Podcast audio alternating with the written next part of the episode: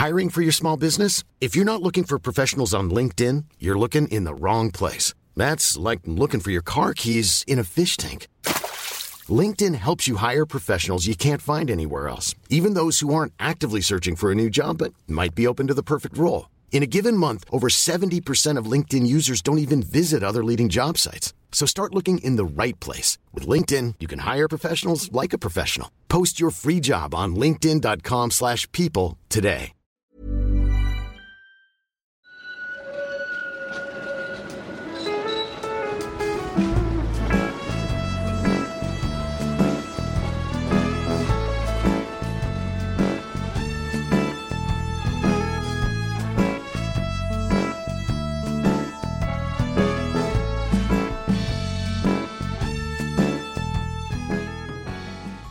Hej och välkomna till Gator och torg i Göteborg, en podcast om platser i Göteborg.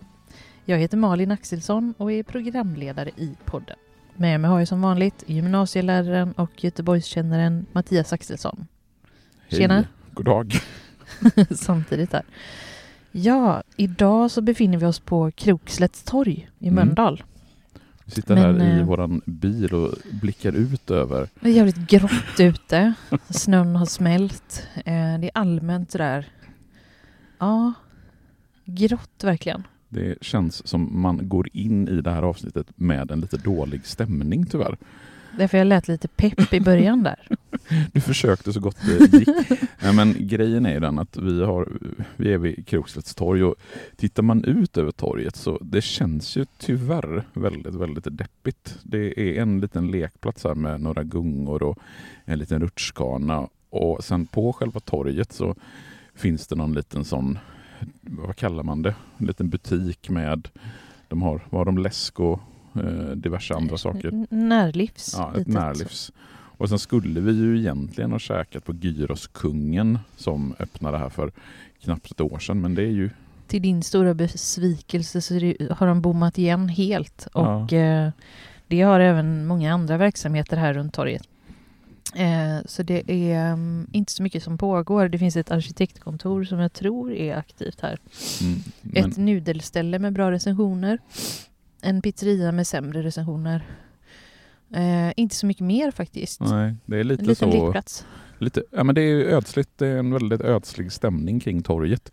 Men det betyder ju inte att vi inte ska kunna göra ett avsnitt om torget. Men först så ska jag påminna om, eh, om man inte följer oss ehm, för hela avsnitt, då kan man gå in på patreon.com gator och torg i Göteborg och eh, bli eh, patron där Mm, och eh, skänka en liten summa i månaden till vårt arbete. mm, Vi åker ju faktiskt runt här, oftast på helgen, till olika platser mm, och berättar för er. mm. Och slipp, eh, då slipper man ju reklamen också och man får tillgång till samtliga. Och hör avsnitt. bara Mattias ljuva röst berätta som vi alla vill höra. Vi har också konton på Instagram. Gator och torg i Göteborg som ett enda ord. Ehm, och Mattias lägger ut eh, fina bilder. Och hoppas han hittar några fina från Krokslätts torg från förr Mm, på det gamla Göteborg. mm, Det brukar vara roligt att titta på då och nu. mm, Det här var ju ett fabriksområde eh, för länge sedan. mm. Så det blir intressant. Ja, det kommer bli mycket bilder sådär från fabrikerna på 1800-talet och även hur det såg ut här omkring. Och sen så kommer jag ju faktiskt också lägga upp lite bilder från nutid för även om känslan är lite deppig när man tittar ut över torget så är det ju ändå värt att fota lite och lägga upp bilder så att folk får se hur det ser ut här omkring. Släpp det nu. Var lite positiv här nu. Jag ska försöka. Han är mest eh, sur för gyroskungen tror jag. Ja, att, de inte, att vi fick äta på en eh, dålig pizzeria istället. Men vi kan ju tipsa om att gyroskungen finns också på Chapmans torg. Och det här är ingen reklam utan det är verkligen prisvärt och jättegott. Mm. grekisk Synd att gyros. vi redan har gjort ett avsnitt om Chapmans torg. Annars Ja. hade du kunnat gå dit och podda därifrån. Du får hitta på någon anledning att käka Ja. på Gyroskungen. Men tillbaka till dagens Mm. avsnitt, om du inte hade något mer. Nej. Vad gör vi här på Krokslätts torg? Det kan man verkligen fråga sig efter Varför? den här oerhört deprimerande inledningen. Nej men vi har faktiskt fått önskemål från, från flera av våra patroner. Bland annat så har Anton Rundström önskat ett avsnitt om Krogslätt och även Hans Simonsen. En av våra mest eh, flitiga eh, patrons, har önskat avsnitt om just Krokslätt och området här omkring. Det är därför du får skärpa dig nu. Ja, precis. Det här är ju ett önskeavsnitt. Hit med lite content. Mm. Nej, men grejen är att problemet är ju när vi gör ett avsnitt om Krokslätts torg, det är ju att vi lämnar Göteborgs kommun. Vi befinner oss just nu i Mölndals kommun. Och jag vet att jag när podden startade för en herrans massa år sedan eh, använde Krokslätt som ett exempel på områden som vi skulle kunna podda ifrån på poddens Facebook-sida. Och Anledningen till att jag gjorde det, det är ju för att Krokslätt också är en stadsdel i södra Göteborgs kommun och en stadsdel i Mölndals kommun. Så den sträcker sig alltså över två kommuner. Så gränsen går någonstans mitt i? Ja, man eh, kan väl säga gränsen går ju vid Lana ungefär, eller taxigränsen åtminstone är vid Lana och sen går gränsen ganska nära där. Alltså spårvagnshållplatsen Lana som har fått namn efter ett gammalt kamgarnsspinneri. Men jag tycker ändå att det är lite motiverat att göra ett avsnitt om Krokslätts torg, trots att det då ligger i Mölndal. För tätorten Göteborg sträcker ju sig hela vägen ner hit. Och tätort, det är ju när husen ligger med mindre än 200 meters mellanrum. Vilket innebär att Göteborgs tätort sträcker sig långt söder om kommungränsen.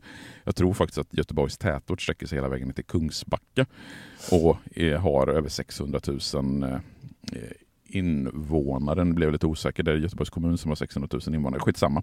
Det är inte jätteviktigt. Och vill man veta mer om de här definitionerna om tätort och stad och kommun så kan jag tipsa om Daniel har ju en podd ihop nu med arkitekten Ola Andersson, tror jag han heter efternamn, som heter Storstan. Där de i sitt första avsnitt pratar just om städer och tätorter och liknande. Men Krokslätts torg ligger alltså i Mölndals kommun precis söder om kommungränsen till Göteborg, men ingår ändå i Göteborgs tätort. Så därför så blir det motiverat att göra ett avsnitt om Krokslätts torg, tycker jag. Men hur kommer det sig att, att just Krokslätt ligger i två olika kommuner, alltså bortsett från den här taxigränsen som du pratade om, Mölndal och Göteborg? Ja, men det kan man faktiskt gå tillbaka hela vägen till medeltiden för att förstå. För att Krokslätt var ett namn på en by under medeltiden. Och redan då så var byn uppdelad mellan två socknar. Dels Fässbergs socken i söder och Örgryte socken i norr. Och I Fässbergs socken så låg två av gårdarna som tillhörde byn och i Örgryte socken så låg de två andra gårdarna. Så två av gårdarna i Krokslätts by låg i Fässberg och två av dem låg i Örgryte. Och sen så på 1800-talet så är Krokslätt dels den här jordbruksbebyggelsen från medeltiden. Men sen växer det också fram en hel del bebyggelse längs med Mölndalsvägen, skolor och bostadshus och liknande. Och delar av Krokslätt i Örgryte socken införlivas med Göteborg under slutet av 1800-talet, bland annat Annedal och Landala och Gibraltar som jag hoppas att vi kommer att göra ett avsnitt om under våren. Och sen så bildas Krokslätts municipalsamhälle i Örgryte landskommun 1884. Och det omfattade allting som var kvar av Örgryte väster om Mölndalsån. Och sedan 1922 så införlivas hela den kvarvarande delen av Örgryte landskommun med Göteborg och blir alltså då en del av Göteborgs kommun. Och Krokslätts municipalsamhälle blir stadsdelen Krokslätt i Göteborg. Och sen 1921 så inrättades Mölndals municipalsamhälle i Fässbergs kommun. Och sen så blir Mölndal en egen stad 1922 och sen en kommun på 1970-talet. Vi har ju faktiskt formellt sett inte städer i Sverige utan vi har kommuner rent juridiskt. Så sen 1922 då Mölndal blir en egen stad så har gränsen till Göteborg delat upp Krokslätt i två delar med en del av Krokslätt i Göteborg i den södra delen och en del av Krokslätt i Mölndal i den norra delen. I'm Sandra and I'm just the professional your small business was looking for. But you didn't hire me because you didn't use LinkedIn jobs. LinkedIn has professionals you can't find anywhere else, including those who aren't actively looking for a new job but might be open to the perfect role, like me. In a given month, over 70% of LinkedIn users don't visit other leading job sites. So if you're not looking on LinkedIn, you'll miss out on great candidates like Sandra. Start hiring professionals like a professional. Post your free job on linkedin.com/people today. Millions of people have lost weight with personalized plans from Noom, like Evan, who can't stand salads and still lost 50 pounds. Salads, generally, for most people, are the easy button, right? For me, that wasn't an option. I never really was a salad guy. That's just not who I am. But Noom worked for me. Get your personalized plan today at Noom.com. Real Noom user compensated to provide their story. In four weeks, the typical Noom user can expect to lose one to two pounds per week. Individual results may vary. Om vi då går tillbaka till medeltiden som vi ofta gör. Mm. Var, var kommer Krokslätts namn ifrån? Ja, alltså det är belagt faktiskt så långt tillbaka som 1397. Och det finns lite olika hypoteser om var namnet kommer ifrån. Dels så skulle det kunna vara slätten som går i krok, eller slätten vid kroken, alltså krok som i krök eller sväng, att vägen skulle ha krökt sig. Det finns också de som menar att det har med krog att göra, att det skulle ha legat många krogar i området. Det finns också en tredje hypotes om att namnet kommer från personnamnet Krok. Att det skulle varit Kroks slätt under medeltiden. Men eftersom det är så ett namn som går så pass långt tillbaka i tiden så vet vi inte med säkerhet hur länge namnet har funnits. Men det vi vet det är ju det att Krokset var en by under medeltiden med de här fyra gårdarna. Dels de två som låg i Örgryte socken, alltså i norra delen av Krokslätt och Nordgården är ju då den som ligger längst norrut. Det är ju därifrån namnet kommer. Och den andra gården i Örgryte socken det var Kongegården som hade fått namn efter Assar Kong. Och Assar Kong han var en bonde som gjorde insatser för Gustav Vasa under 1500-talet och därför fick en skattegård i Krokslet. Och eftersom han hette då Assar Kong så fick gården namnet Kongegården. Och de två gårdarna som låg i Fässberg, Ja, det fanns ju då två ytterligare gårdar i närheten av det som idag är Krokslätts torg och Krokslätts fabriker. Och den ena gården, det var Hökegården som eh, förmodligen fick sitt namn efter en person som hette just Hök som bodde där under andra halvan av 1500-talet. Sen var Hökegården ett kavallerihemman under slutet av 1600-talet när Karl den elfte var kung av Sverige. Och att ett kavallerihemman innebar att ja, men de som bodde där det var kavallerisoldater och oftast till och med officerare. Och 1885 så blev eh, Hökegården en del av Västgöta regemente. Och de här gårdsbyggnaderna låg i hörnet av det som idag är Krokslätts parkgata och Soltorpsgatan. Mangårdsbyggnaden till gården brann upp 1937 och sen brann tyvärr lagårdsbyggnaden ner 1961. Men det finns fotografier från Hökegården som jag ska lägga upp på vårt Instagram-konto. Idag på samma plats som Hökegården låg så finns det fyra stycken tegelhus från 1960-talet. och till sist Sörgården då som låg den längst i söder. Ja, det är ju därifrån namnet kommer. Sörgården är ju den södra gården. Och fram till 1600-talet så var det en kronogård och sen så var det ett så kallat posthemman. Vilket innebär att den som bodde där ansvarade för transport av post mellan Göteborg och hela vägen ner till Halland. Och de här posttransporterna genomfördes två gånger i veckan. Men eh, enligt beslut från Postverket så eh, avslutades eh, posthemmandet 1864. Och det verkade, eller om man tittar på kartor och så, så delades Sörgården tidigt upp i flera andra gårdar. Det finns en karta från 1839 till exempel, där det finns gårdar som Slättebacken och Utmarken. Och fram till 1838 så var det hejderiddaren Lars Svensson som hade den här gården som bostad och gårdens mark omfattade framförallt en del av Mölndals ängar, alltså det som ligger öster om eh, Mölndalsån. Och något längre söderut ligger ju Krokslätts fabriker från 1800-talet. Ja, och de har ju du en liten speciell relation till. Ja, Yrkeshögskolan Mölndal håller ju till där sedan ett antal år tillbaka. Så där gick jag en utbildning 2013 till 2015 var det. Mm. Mm. Och det är ju nästan då 200 år efter att ja men, vävning någonstans började bli ett, industrialiserat yrke. För fram till 1820-talet så var vävning framförallt ett, ett hantverk. Det var någonting man gjorde i hemmen. Man hade ju självhushållning huvudsakligen. De kläder man hade på sig, det var sånt som man vävde hemma. Men under början av 1800-talet så sker det ju stora förändringar i Sverige. Vi har rika bönder som eh, har sina marker framförallt på slättområden i södra delarna av Sverige som specialiserar sig på att enbart producera mat. Och Det leder till att de ökar sina inkomster och därmed också ökar sin efterfrågan på bland annat tyger. För i och med att de specialiserar sig på matproduktion och tjänar massa pengar på det så känner de att men då behöver inte vi producera våra kläder själva utan då kan vi handla kläder. Och Det här innebar att det också blev en ökad marknad för bönder som hade magrare jordar att satsa på hemslöjd som ett komplement till, sina, alltså till jordbruket. Och ett gammalt centrum för textilslöjd är ju Sjuhäradsbygden, alltså runt omkring Borås.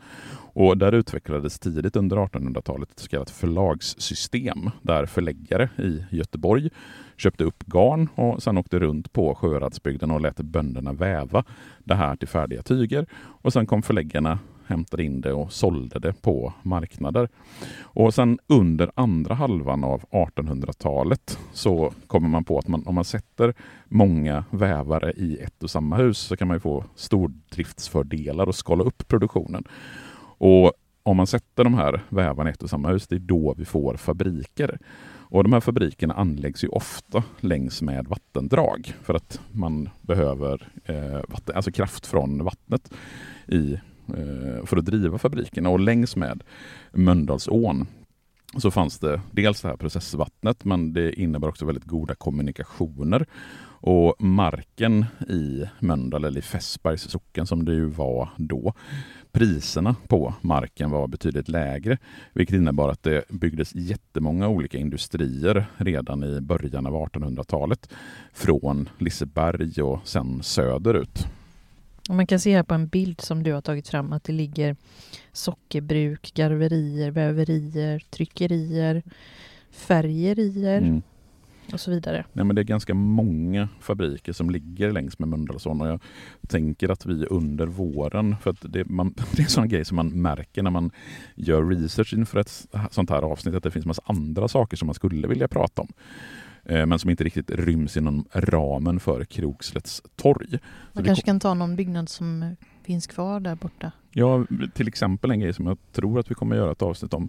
Det är ju Lyckholms torg som är ett helt nybyggt torg men som har rötter tillbaka till Lyckholms bryggerier, alltså ölbryggerier eh, som ligger precis söder om Liseberg för där finns ju den gamla Lyckholms byggnaden kvar men man har byggt en massa nytt runt omkring. Lite grann så som man har gjort runt eh, Krokslätts fabriker. För området där som liksom idag är Krokslätts fabriker, det började byggas under 1870-talet.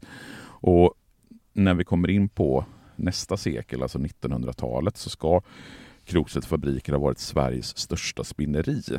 Och det engelska inflytandet påverkade hur man byggde de här industribyggnaderna med yttre utformning, med mönstermurat rött tegelfasader, man hade de här småspröjsade fönstren. Och sen har man det här karaktäristiska tornet på spinneribyggnaden som är väldigt typiskt för Kroksets fabriker. Och går man runt inne på Kroksets fabriker idag så känns det ju verkligen som att, ja, men, att man förflyttar sig nästan tillbaks till ett engelskt 1800-tal så som man tänker sig att det kan ha varit i fabrikerna på, eh, på 1800-talet. Speciellt med de här eh, vitmålade partierna på mm. teglet också. Ja, nej men det som är kul också tycker jag med Krokstedts fabriker det är ju att man verkligen har bevarat fabriksbyggnaderna. Eh, att man har inte låtit dem stå och förfalla utan att de är an väl använda. Jag undrar hur det var att jobba på fabriken från början. Ja, men jag hittade faktiskt en jätteintressant artikel i nättidningen Släkthistoria som ska länka till i avsnittsbeskrivningen.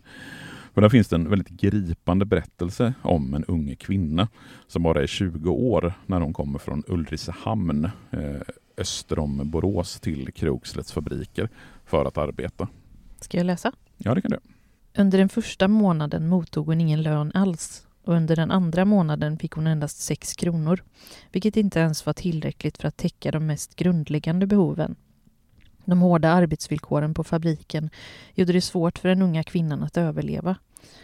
För att kunna försörja sig tvingades hon att sälja en del av sina kläder och försökte få kredit i fabrikens butik.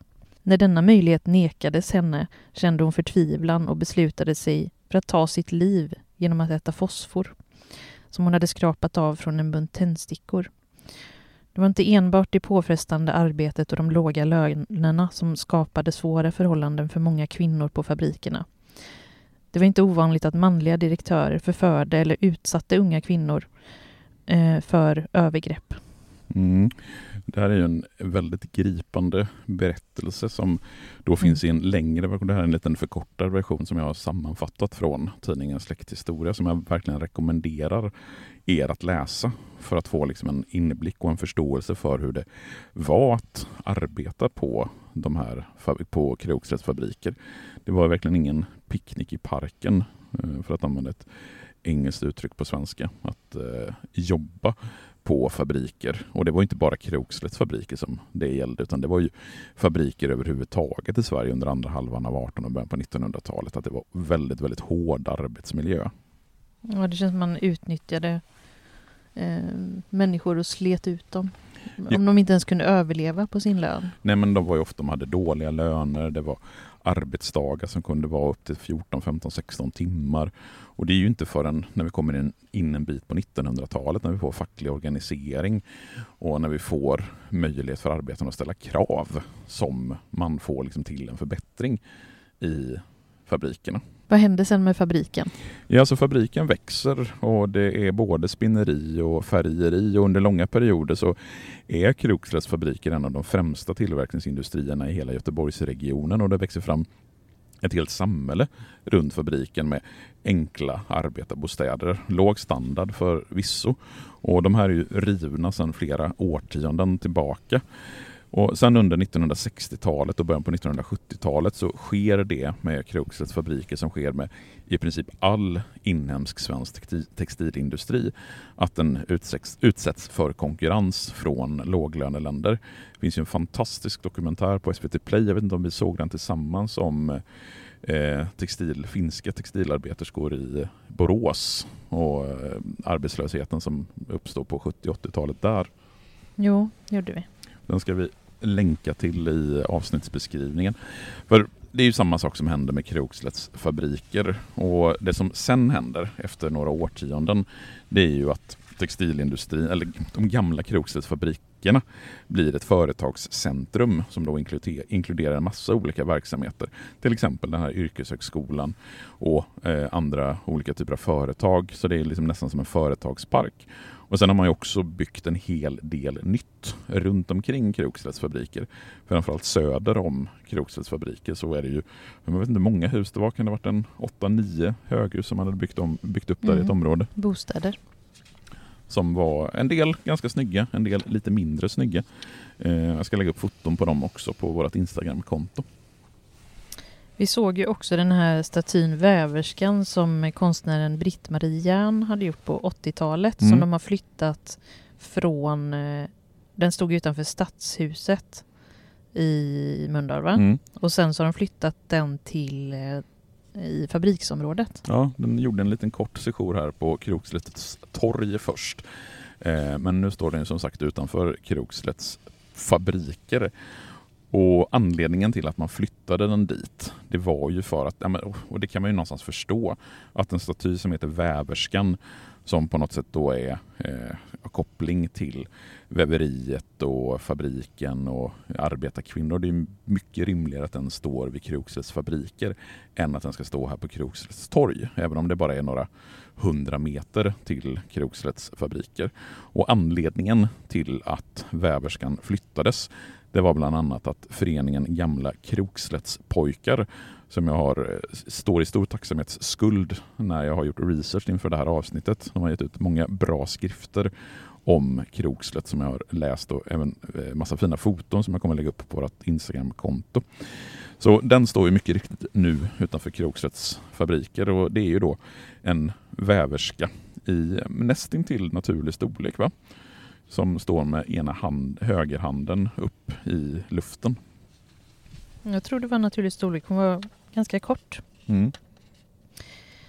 Vad hände mer i Krokslätt förutom fabriken? Ja, alltså trots den ganska tidiga industrialiseringen så var stora delar av Mölndals dalgång fortfarande jordbruksmark långt in på 1900-talet. Fram till egentligen 1950-talet så är bostadsbyggandet vid Mölndalsån väldigt, väldigt begränsat.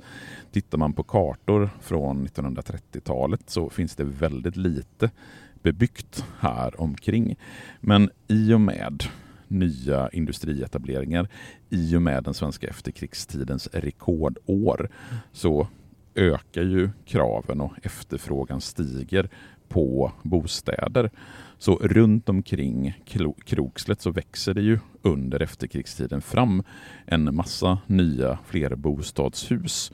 Och kvarteren runt Krokslätts torg, de byggs ju åren eller årtiondena direkt efter kriget. Sen på 1960-talet så utvecklas även områdena runt Åby och Bifrost längre söderut. Men går man omkring och promenerar runt Krokslätts torg så ser man ju att det mesta som är byggt här det är sånt som är byggt på, säg på 1950, eh, sent 1940 och in på 1950-talet. Och sen så har det ju, precis som jag nämnde i anslutning till Krokslätts fabriker, byggts en hel del nya bostadsområden och det har ju byggts ett stort hotell som man nu inte riktigt minns namnet på precis söder om Krokslätts eh, fabriker. Precis söder om torget så ligger några gula hus med en intressant historia. Ja, vi promenerade förbi de här två husen som ligger på adressen Dalhemsgatan 5 respektive 7. Och jag ska också här lägga upp bilder på vårt Instagram-konto. För allt sedan 1945 så har de här två byggnaderna använts för olika typer av barnverksamhet. De har haft lite olika namn. Eh, de har gått från att vara så kallade barnkrubbor till att vara daghem till fritidshem och sen på sluttampen innan byggnaderna helt stängdes igen så var de förskola. Och från och med 1945 så drevs det första daghemmet av stiftelsen Barnens vänner i de här två gula byggnaderna. Den äldsta, den mindre byggnaden, känd som Villan, byggdes 1929 medan den andra lite större byggnaden är byggd 1940 4.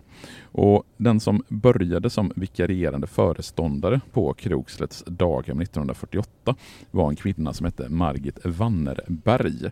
Och hon, när hon kom dit, upptäckte och kände att det var ganska stora brister i det här daghemmets verksamhet.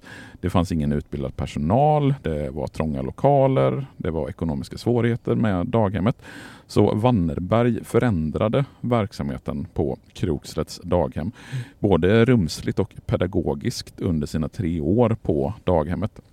Hon flyttade bland annat barnen från en fuktig källare till bättre lokaler. Och Det här daghemmet det var öppet nattetid och det var ju för att underlätta för de fabriksarbetande kvinnorna som jobbade nattskiften. Och Margit Wanderberg hon förstod att det här daghemmet behövde vara öppet nattetid för att passa de fabriksarbetande kvinnorna på eh, fabrikerna. Hon noterar i en minnesskrift att det här arrangemanget inte var till barnens fördel och hon beskriver det som en anpassning för att maskinerna inte skulle stanna. Mammorna de kom in med sina spädbarn en timme innan nattskiftet började och la dem att sova på vinden och sen så hämtade mammorna dem på morgonen vid sjutiden när skiftet var slut. Och Wannerberg hon stod faktiskt på sig och tog strid mot fabrikerna och fick till att man stängde nattverksamheten eftersom hon ansåg att det var inte barnens bästa. Eh, eller var inte barnens intresse att eh, ha nattöppet och genom att då få till att man avslutade nattskiften så behövde man inte längre nattverksamhet på daghemmet. Och hon kämpade också för förbättringar med att eh, få in mer utbildad personal, längre semester för de som jobbade där. Och sen så lämnade hon Krokslätt daghem 1951.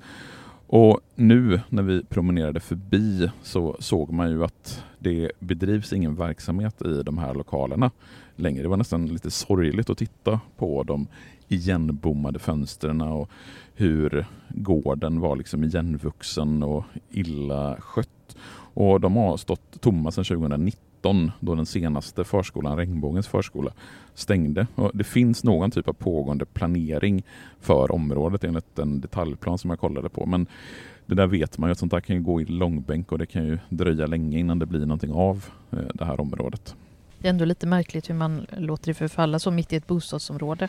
Ja, Det är verkligen sorgligt. Nej, och tyvärr är det ju så att när man promenerar runt i Krokset, framförallt det huset som ligger precis norr om det här daghemmet, eller gamla förskolan, så såg ju också det ganska nedgånget och ganska slitet ut. Mm. Så att eh, man får ju tyvärr en lite dålig känsla när man promenerar. Sen ska man ju alltid komma ihåg att man får en sämre känsla av områden i slutet av januari än Jo, vad du får om du går i ett område i slutet på maj. det är sant. För hade vi kommit hit i slutet av maj då hade ju träden varit helt gröna, det hade varit sol, det hade varit varmt. Vi hade inte behövt ta på värmen i bilen som surrade i bakgrunden. Mhm. Men nu är vi här i januari och då får man säga det man känner. Vi sitter ju här i bilen på Krokslätts torg Mm. och eh, själva torget, hur länge har det funnits? Ja, alltså det fin- och det här är lite lurigt för när man söker efter namnet Krokslätts torg i till exempel tidningsdatabaser och sådär så ska man inte blanda ihop det med ett annat Krokslätts torg som aldrig blev till. För det fanns faktiskt planer på ett Krokslets torg i Göteborg och det skulle ha legat vid hållplatsen Elisedal om man åker med spårvagnen mot Mölndal. Alltså precis där när man, den bron när man kommer från Kallebäck och åker över E6 och Mölndalsån. Där skulle Krokslets torg ha legat. Men det realiserades aldrig utan istället så blir det ett torg här i Mölndal. Och det äldsta belägget som jag har hittat för att man har kallat där, den här platsen för Krokslets torg det är från 1930-talet. Men det har varit en stor öppen plats under stora delar av 1900-talet. Och på de flygfoton som finns från bland annat eh, mitten på 1900-talet så ser man att det är en stor öppen plats, att det är någon typ av eh, parkplantering på torget och att det är parkeringsplatser runt omkring. Men på bilderna från 1960 så ser man inte att det skulle vara någon typ av verksamhet på torget utan då är det bara en stor öppen plats. Och det huset som vi har eh, precis mitt på torget, alltså där, där Krokset livs ligger. Det har faktiskt inte stått där längre än tidigt 1990-tal. Och det här är ett projekt som dras igång av en kvinna som heter Siv Jansson som var drivande i en samrådsgrupp och hon var också den som tog det första spadtaget när man skulle bygga en ny butiks och kontorsfastighet på den östra sidan på torget, alltså den sida på torget som vetter mot spårvagnen. Och det är en byggnad som ska vara 3700 kvadratkilometer stor.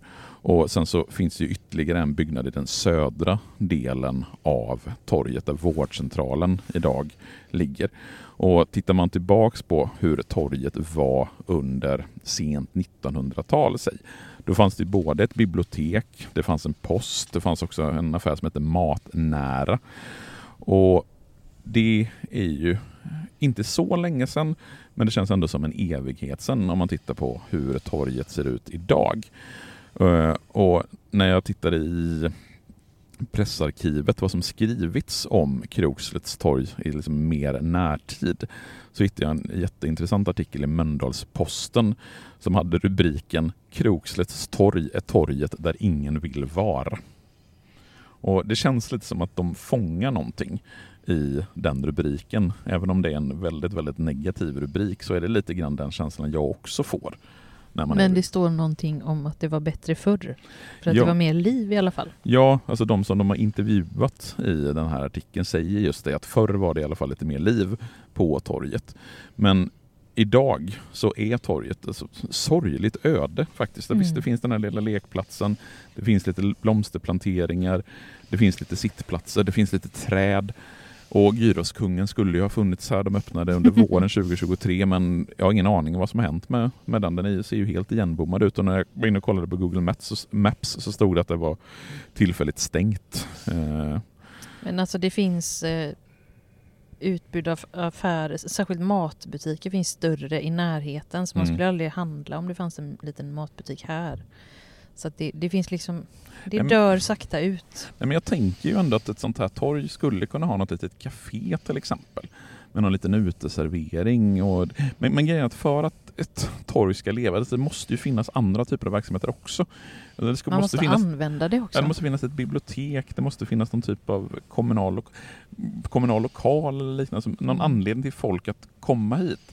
Det finns väl, tror jag, om det är Folktandvården som ligger i den eh, byggnaden i den södra delen, eller om det är en vårdcentral möjligtvis. Jag vill tänka oss att det är mest liv där. Ja, men, men eh, och är det så att ni bor här i närheten av Krogslets torg och har en helt annan bild av torget så hör gärna Hör av er. Ja.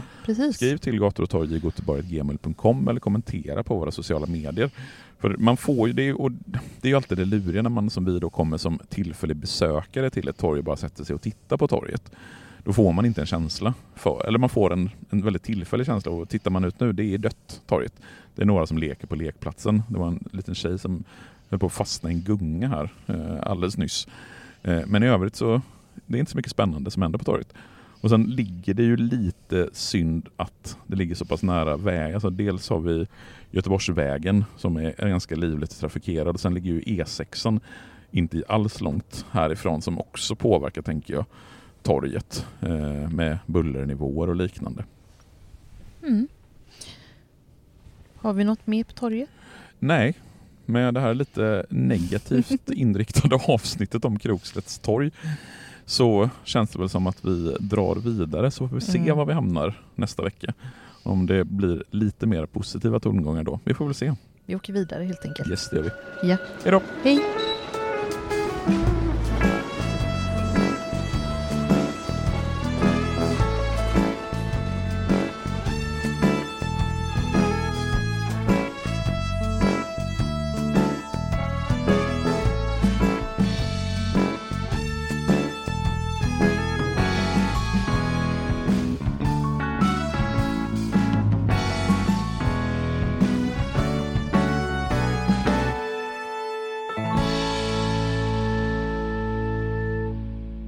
Gator och torg i Göteborg produceras av Reostat Media AB.